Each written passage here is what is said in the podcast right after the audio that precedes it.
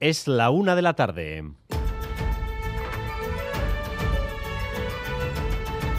Crónica de Euskadi con Dani Álvarez.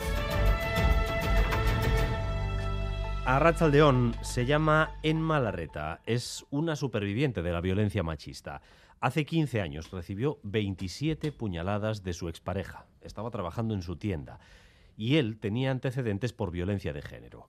Sobre los límites legales para poder controlar a potenciales agresores, ella tiene algo que decir, sobre todo a los jóvenes.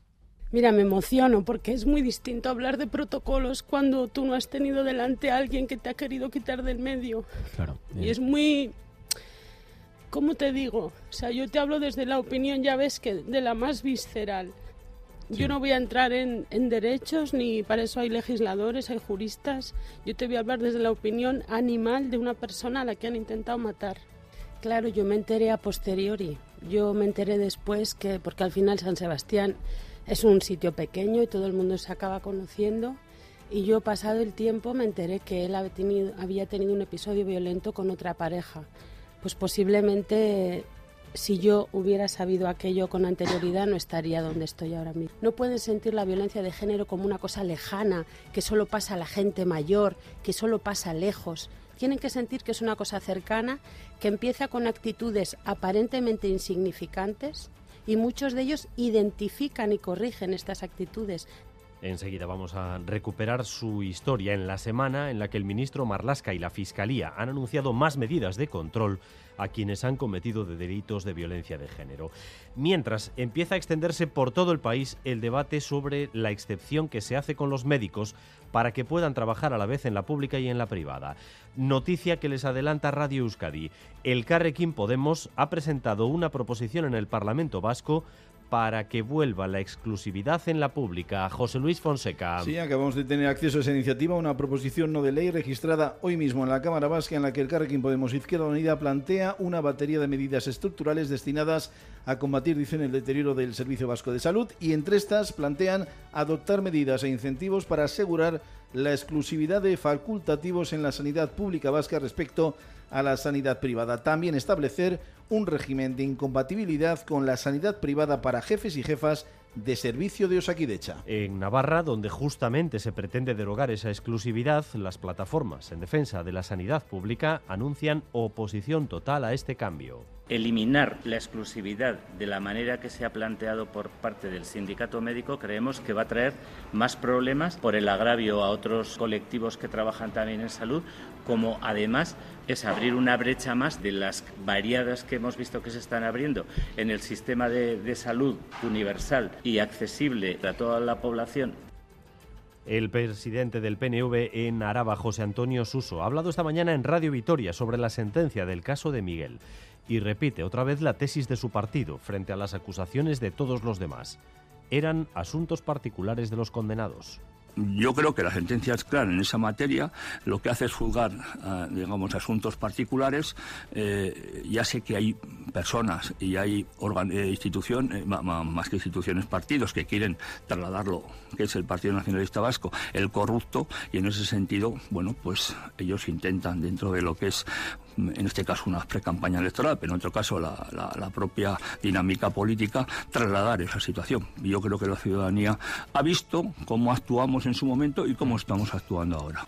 El Ayuntamiento de Durango está sufriendo las consecuencias de un ciberataque que tiene paralizado todo el sistema del municipio. Los empleados no pueden completar los trámites que necesita la ciudadanía y en ocasiones les derivan a municipios vecinos para ello. La Bengoa.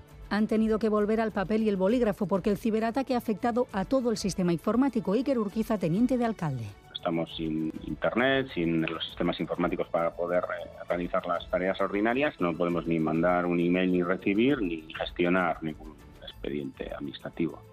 Han tenido suerte de que las copias de seguridad están bien y por tanto no se ha perdido información alguna. Trabajan para restablecer el sistema cuanto antes. Es algo que puede llevar tiempo y será gradual. Desde el Centro de Ciberseguridad de Euskadi aseguran que la media de recuperación completa de los ataques puede ser de entre tres y cuatro semanas. El servicio de atención está abierto en Durango y se toma nota manualmente y se orienta a la gente de cómo proceder. Las tramitaciones pueden hacerse vía sede electrónica o en las oficinas de ayuntamientos vecinos o de la Diputación de Durango.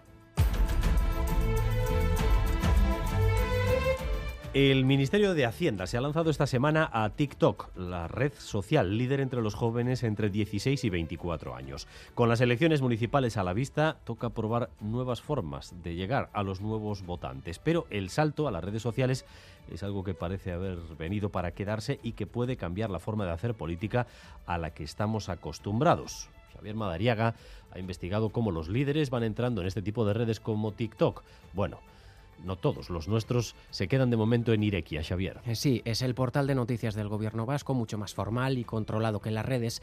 Así, aquí hay cero TikTok en los gobiernos Urcullu y Chivite. Es más, Urcullu dejó Twitter hace un año, sobre todo porque vio que sus publicaciones servían para generar odio e insultos. Pero el salto que la ministra Calviño ha dado a la red adolescente por excelencia parece venir para quedarse. El presidente Macron lleva más de dos años en TikTok, tiene casi cuatro millones de seguidores y desde allí lanza mensajes más íntimos y directos a la adolescencia. En Donostia, a escasos metros de la brecha, se estrenará esta tarde el musical Brecha Donostia Cosute que llevará a escena la exitosa novela de Toti Martínez de Lecea.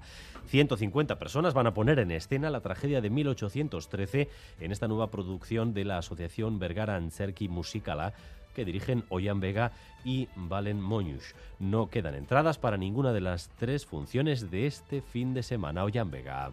Eh, esto es como cuando le preguntas a un deportista en el fin de semana del derby que todos dicen con ganas de jugar, ¿no? Pues yo también con ganas de jugar ya. Esto es como cuando un cocinero tiene la materia prima, tiene los ingredientes, tiene la receta, ha metido su plato en el horno, pero el mejor cocinero del mundo no sabe exactamente lo que ha hecho hasta que sale del horno el producto. Lo hemos hecho todo con el mayor cariño del mundo, con el mayor amor del mundo, con el mayor esfuerzo del mundo y espero que, que nos haga bien.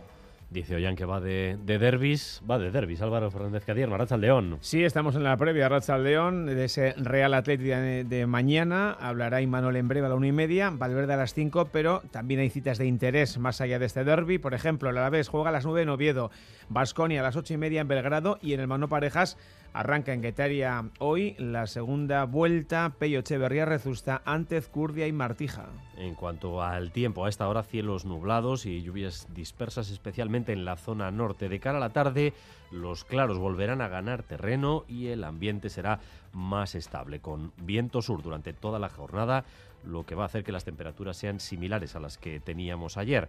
12 grados de temperatura en San Sebastián, 11 en Bilbao, 13 grados en Bayona, 8 en Gasteiz y 7 en Iruña. Pero la noticia en torno al tiempo llegará la semana que viene con la entrada de un frente frío, una masa de aire marítimo polar que nos va a dejar fuertes vientos, precipitaciones y el miércoles o el jueves también nieve incluso a nivel del mar, Itziber Bilbao. Sí, mañana va a ser en casi una semana el único día tranquilo, con viento del suroeste, como decías, que va a calentar algo el ambiente, pero a partir del domingo nos aguarda una semana de tiempo invernal. Nos va a alcanzar un pasillo de frío polar que llega desde la mar. Los peores días el miércoles tarde-noche y el jueves. José Antonio Aranda es el responsable meteorológico de Euskalmet miércoles y el jueves son los días que sigue precipitando y además va a hacer más frío. Eh, ya veremos eh, copos en zonas bastante bajas, podría llegar a, en zonas a, nivel del mar. Además, el mar está tan caliente, está a 15 grados, al venir una masa tan fría, pues lo que va a provocar son chubascos con una cierta intensidad. Lógicamente en el Pirineo se espera nieve en abundancia y víspera de San Sebastián este año, por tanto, fría y húmeda. Faltan aún días, los pronósticos se afinarán, pero como decíamos, se prevé una semana de avisos. Es muy probable naranjas eh, para navegación, es muy probable también para el miércoles y el jueves por nieve y es muy probable que también por precipitación, eh, amarillos o naranjas. Los eh, seguidores, Dani, de los partes meteorológicos disfrutan estas últimas horas entre mapas y modelos.